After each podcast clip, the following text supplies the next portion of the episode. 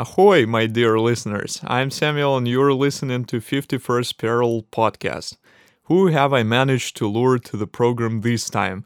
A professor? A scientist? Or maybe a celebrity?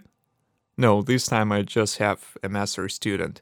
That doesn't mean that this conversation won't be interesting, though, and you know what? That's exactly what I like about this podcast that I can talk to other young people and still have wonderful time, perhaps even better than I would have had with anyone mentioned above. Alright, enough with moral lessons, we're starting.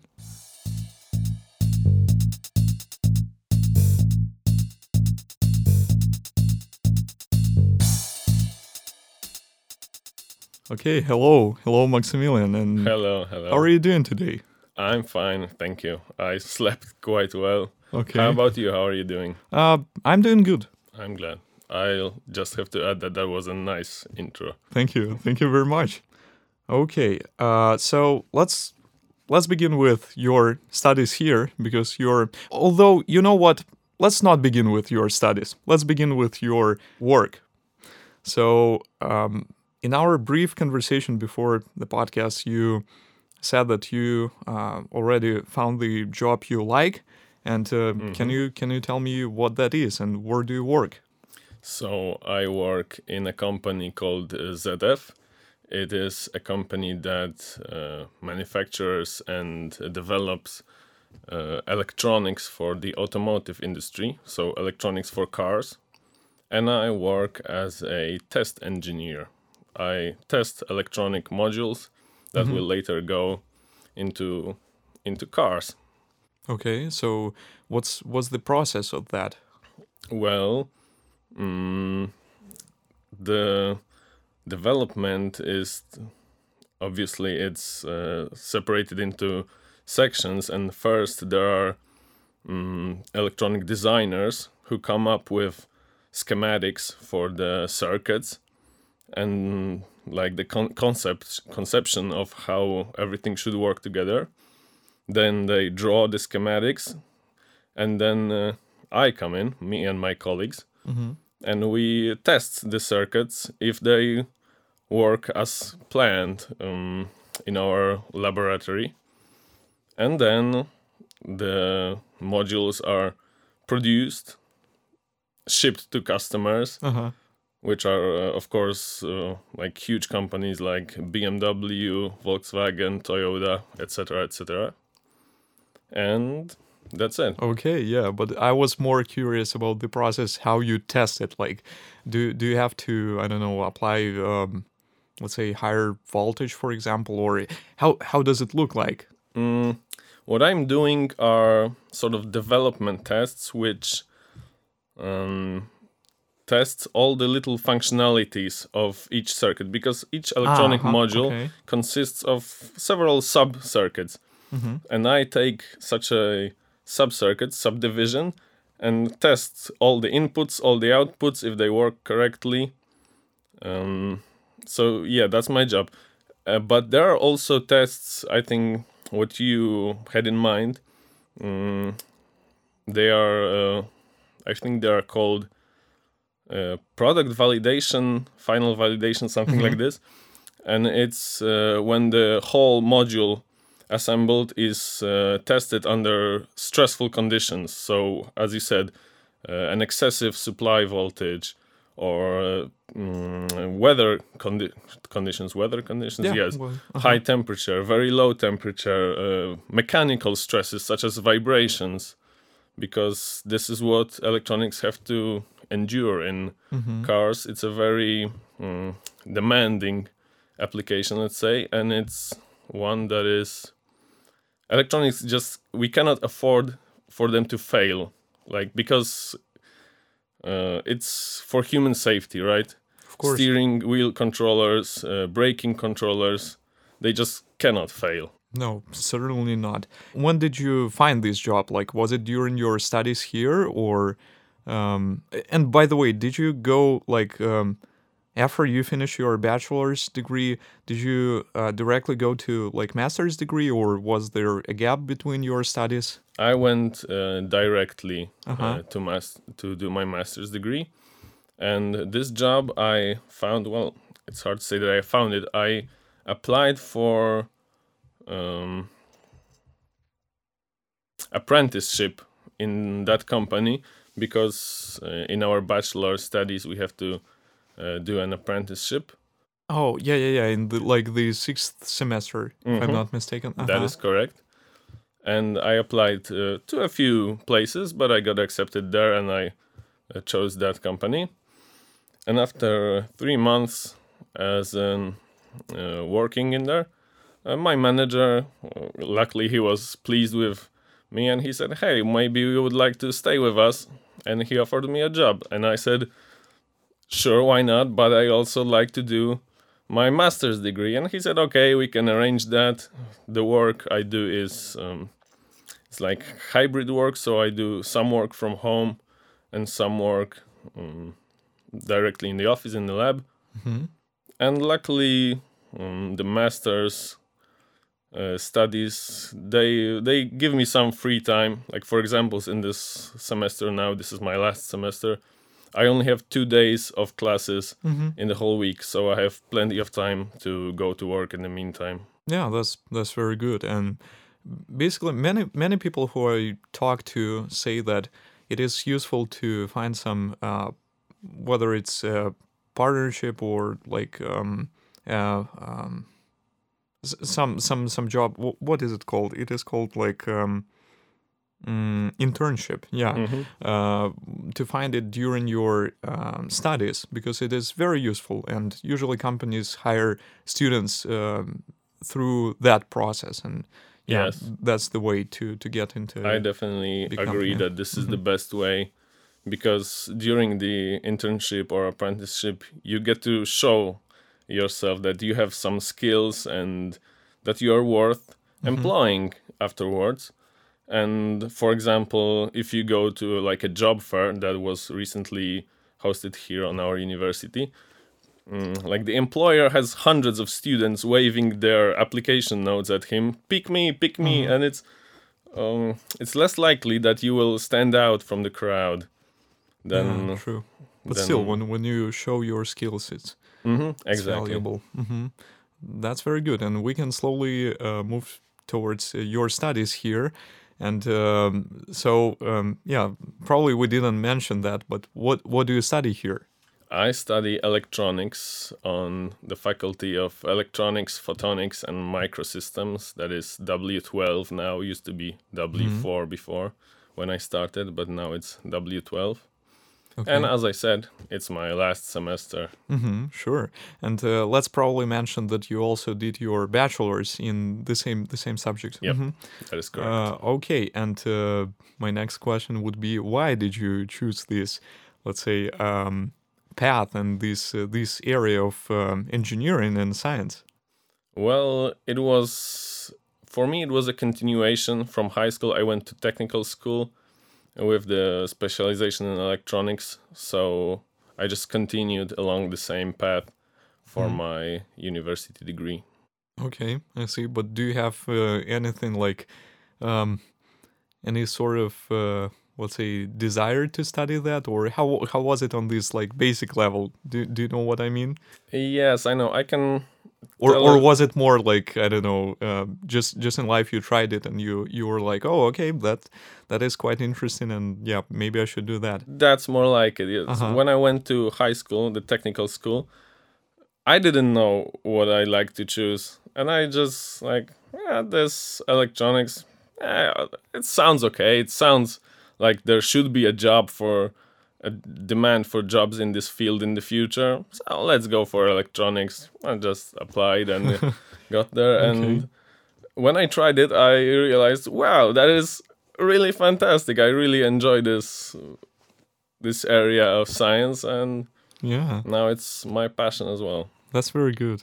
That's actually really wonderful because uh, many people really uh, don't have this idea of what they want to do in the future, but since they try something, they find this way.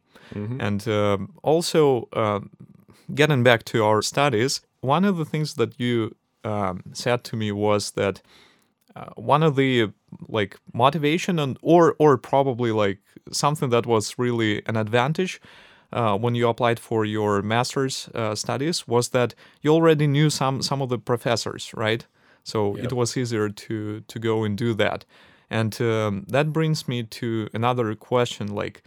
Can you share, uh, based on your experience, like wh- what are some approaches that different professors uh, take? And um, of course, of course, it is different for uh, like different professors, but still we can generalize some some things. And if you can share what you like um, in the process of studying and what you dislike. What I can say about uh, like professors' attitudes and approaches, I noticed that they change from my when I was doing my bachelor's degree to now my master's. Like many mm, professors, when we first get to know them during our bachelor's, they seem very strict and they uh, all the time lecture us that oh pre- prepare the exam will be hard. It's hard to describe this but i think every student knows what i'm talking about. You can just feel that a professor is it's not very it's he seems he doesn't seem likable. But then when we had more classes with him more courses and then during the masters mm, even more courses uh, he seemed more and more friendly maybe one of the reasons that also influenced this was that mm, there is less and less of us students uh, further on as we go course. through our studies. Right now, there's only 12 of us uh, in our specialty. So each of the professors know us, like by name, know who we are. We are no longer this bunch of random students. Yeah. For them, we are we Just are- individuals, We are yeah, individuals, people. correct. and yeah, the professors like they they used to seem to be very strict and not likable. They sort of become human. Then they start telling jokes. They there's some situational humor like related to us as individuals because the professors now differentiate be- between us. I uh, enjoyed this process. It's it's nice to like be the studying process feels more welcoming this way. I think. Yeah, it really does. And that reminded me of uh, one of my professors. So, in the beginning of this semester, uh, he also seemed like very strict and like rigorous. And even I remember the first class with him, it was like a lecture. And uh, there were some people who were late to the class, and he said something like, Next time I'll close the door after 15 minutes or something like that. And he was really like, seemed like a you know this very like rigorous strict person but uh, after a while when there were less and less people coming to his lectures he he now becomes more as you said more friendly. And even it seems like he enjoys the fact that there are less people coming to his class. So that's interesting but yeah still. And of course yeah i can agree with um, with you that this um, this process when when you have less people in in the group it's easier to um, to study to learn something because like the approach is more um, as as an approach to an individual rather than to this like mass of students this uh, huge crowd. But yeah that's good. And can can you share your uh, thoughts on uh, what the university gives you and like um, did it uh, teach you some lessons during your studies? Well, um, what can I say? I think, I feel, maybe this won't put the university in the best light, but I feel that I missed out on a lot during uh, the so called pandemic because mm, during that time when we had online lessons, I was supposed to have all these courses that taught practical uh, knowledge, practical like skills, and they were all like shifted to remote Mm-hmm. classes. So we just looked on the computer, and that's.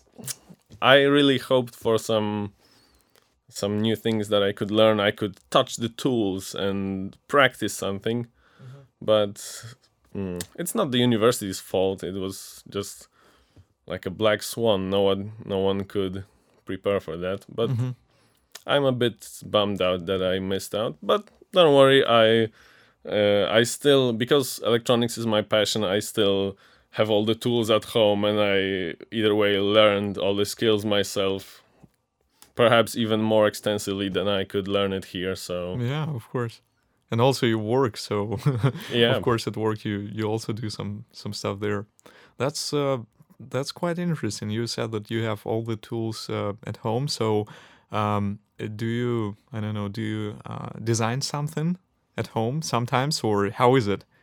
I do design some things, some electronic, let's say, gadgets or pieces of equipment, and I also sometimes fix some electronics. Uh-huh. Okay. Like, uh, for example, my brother's uh, computer display mm-hmm. recently broke, and I just opened it, resoldered some capacitors, and it was boom fixed. Oh, So not bad. that is one Uh-huh. thing that I really enjoy. Like something doesn't work, and I make it work again. For me, that's a very special feeling. I can imagine. That's quite useful to have someone in your family who does different things, right? Like I don't know, for example, your sister, your brother doing different things in different th- fields, and uh, that as a family you can you can do something like more more things, right? Rather than having a family of uh, where where everyone is an engineer, you can have a family where I don't know, someone does. Uh, I don't know, like so- someone is a doctor and someone is an engineer and someone is a so- someone else. You understand what I'm talking about? Mm-hmm. Yeah, Quite useful, right? Yeah, but of course, like in real life, that doesn't apply. So yeah, yeah, we don't choose who to, you know, who to be siblings with or something Mhm. like that. that is correct. But that's good. That's great that you help your brother. often parents choose the career paths for their children. Oh, yeah, Like if, for uh-huh. example, two parents are doctors or dentists, it is very likely that the, the children they will lead the children down the same path Mm-hmm. because like this is a good path. You better stick with what we proven to be good. What, what do you think uh, of that approach? Is it good or bad? I think it's not. It's maybe his career is served to him on a silver platter. He doesn't doesn't have to decide anything, make any tough decisions, or maybe try and fail and learn something. He has. I don't think it's very good to like not have to pick something up for yourself. Okay, I see. I see. Maybe some of them will end up enjoying their Mhm. job. Yeah, Very well. probably. hmm Probably that's true. Again, depends depends really on many Mhm. factors. Do Do you want to discuss your uh, hometown because you're you're not from Wrocław, right? No, I'm Mhm. not from Wrocław. I'm from Ostrowy, a small town in the Silesian Voivodeship. That's near Częstochowa, if someone knows the geography of Poland. So that's around 200 kilometers from here. Okay, yeah.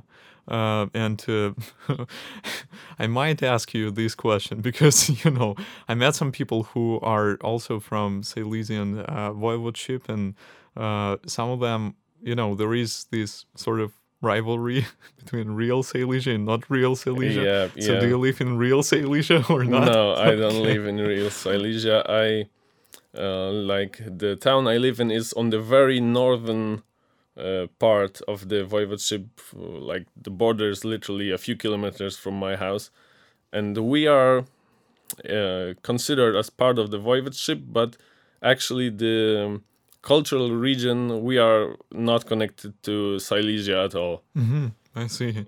Yeah, and can you can you tell me more about like um, Silesia or or like cul- cultural differences between like um, the let's say okay this uh, if I'm not mistaken it is like more or less like you live in this part that is more or less like the rest of the of the country or how is it?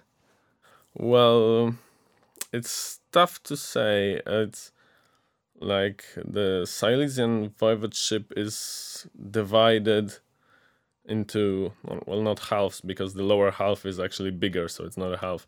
But the lower part is the actual region of Silesia where the Silesian culture prevails, and we are to the north of that. We are in the same voivodeship, but we are not actually part of Silesia um, culturally we're uh, more part of. Uh, I have no idea what it's called in English. It's uh, You can say it in Polish. Mało of course. polskie, bo Oh, okay, also yeah. like small Poland. I don't Yeah. know if that translates directly. Uh, so culturally, we are closer to that. Uh-huh, okay, okay. So, uh, how do they preserve their culture there, if you know such such details? Mm, well, uh, Because I've for- heard of uh, the Silesian language that some people yes, speak. that is what I was Mhm. uh, about to tell you. uh-huh. Uh, the main thing is their language, like, and it's actually funny because the further south you go, uh, let's say starting from the north of the the region, uh, the more and more people start to incorporate words from this Silesian language into their Polish, let's say Okay. and it sometimes sounds very funny when they uh, because these words they for other Poles they can sound quite comically sometimes Okay. or unusually yeah. and it's even more of a comical effect when a single let's say foreign word is placed into a Polish regular sentence. Polish sentence Okay, what what is he talking about Yeah. do Do you want to add something more about your hometown? Like, what what should people visit there? Let's Let's put it like this. Oh, I don't think there's there much uh, to visit there. It's just a small town, a small village, Okay. actually, I might say. But Mhm. a lot of people from around my village uh, like recognize it because there's a water reservoir, like Uh-huh. artificial lake there. Okay. And when I say where I'm from, uh, where's that? Uh, that's where the lake is. Oh, I know Oh, where that okay. is. So I see. but from for anyone farther away i don't think there's anything particular there to see but i still like it Mhm. i i feel that is special for me like most people have some strong feelings towards their uh, hometown and i do as well hmm so I really enjoy uh, being there mm, because, in general, I'm more of a countryside guy than a city Mhm. guy. So uh, moving to Wrocław, like mm, you lose a bit of that, let's say, contact with nature, for example. Well, Mhm. there are some trees and there's the river, But it's but different, there's of course. a Mhm. lot of concrete everywhere, and it's Yeah. it's not the same. Mhm. Just, uh, uh, well, speaking of that, how do you see your? Of course, because yeah, we talked a little bit uh, about that before the podcast again, and you said something like, uh, yeah, you plan to still work in this company, and um, apparently, yeah, for this period to be here. But what about what if I ask you, like, what is your ideal? Of course, this too early to ask about that, but what is your ideal, let's say, retirement? Like, how do you see ooh, it? Retirement. Uh-huh. Hmm. Perhaps I would live in a small uh, house, a small cottage, far away from civilization, next to a lake or a river, uh, in a forest. Perhaps I would uh, go fishing every day. Okay. uh, Very nice, Something like very this. Do nice, some outdoor activities. Can Can you say something nice about Wrocław? Well, I can say uh, something nice. I found that people here tend to be really friendly. Like Okay. I don't think I've yet to met someone here that would strike me as extremely like off-putting. Like most people, you could walk up to a stranger on the street and start talking to him, and they would they wouldn't respond negatively. Most of them would be positive or at least neutral. Like there's this um, slogan of Wrocław miasto spotkań, like the town of meeting people. And I think that is that holds true. Mm, Surprise! That surprised me because I didn't expect the. I thought this was just a stupid catchphrase on a billboard. Yeah. Like, why would people put it there? But it's actually. Uh, I found it to be true. So, Wow, that's that's good. That's very good. Yeah, actually, I can attest to that. I guess. Yeah, because uh, now I try to remember some examples of people not being friendly here in Wrocław, and it's hard to remember something. So yeah, I can agree with you. That's that's true. and like in general, honestly, uh, like people people in Poland, of course, yeah, some some other like foreigners who are I don't know from the West probably who are who have even more let's say open culture probably they can say that no polish people are more like you know that not not that open or something or friendly. I mean i, I don't agree with that because of course you can compare it to to some other places. I'm not saying that like in belarus people are not friendly. No they're probably not that open. So for me it was also a good thing here because um, i consider my, myself an open person. So it was very nice that you know in Poland here in general like I I meet just um, just other people who are also open and friendly. So that was nice. Um, by the way that of course uh, the thing that I wanted to tell you uh, was connected to studies but I just forgot to to tell you about that. Actually to it was connected to some professors and some let's say incidents that uh, can sometimes happen. I've heard this story that somewhere, probably it was in Canada or in the US, there was a professor arrested on campus because uh, the police thought he was uh, homeless. Oh, so he just... yeah, that that was uh, okay. Yeah, um, the thing I wanted to to say that that's interesting, but people also change as they you know advance uh, in their like professional yeah, career. Yeah, yeah. That, so, yeah. that's correct. One of the professors actually uh, told us, "Don't go do a PhD. Don't do it. If you want to find a job, uh, don't do a PhD." And he didn't say directly, but what he intended to say because when you go to PhD, you will become a weirdo, okay. and you will try too hard in that uh, that field of study that you do, like regular employers like don't want you to be too good almost like this. Yeah of course. No that's that's certainly true. But still you know what uh, you need to have some people who are really interested in something of course. Yeah that's, yeah, yeah. definitely. And because of these people we have progress i guess. Yeah. I mean yeah to a certain degree at least. Do you have anything uh, else to add to this episode well, I don't have anything particular in mind. Okay, so very I good. Just... Uh, then the only thing I can say is uh, thank you for coming. Um, it's been a pleasure to talk to you. Thanks um, for having. Yeah, thank you very much, and let's say goodbye to our listeners. Goodbye. Goodbye, listeners. This podcast was recorded at Radio Luz LUZ on campus of Wrocław University of Science and Technology. You can find more episodes on our YouTube channel as well as on various other platforms connected to Radio Luz. You can write to us to 51st.parallel.podcast at gmail.com, which is 51st.parallel.podcast at gmail.com. Thanks for listening and see you next time.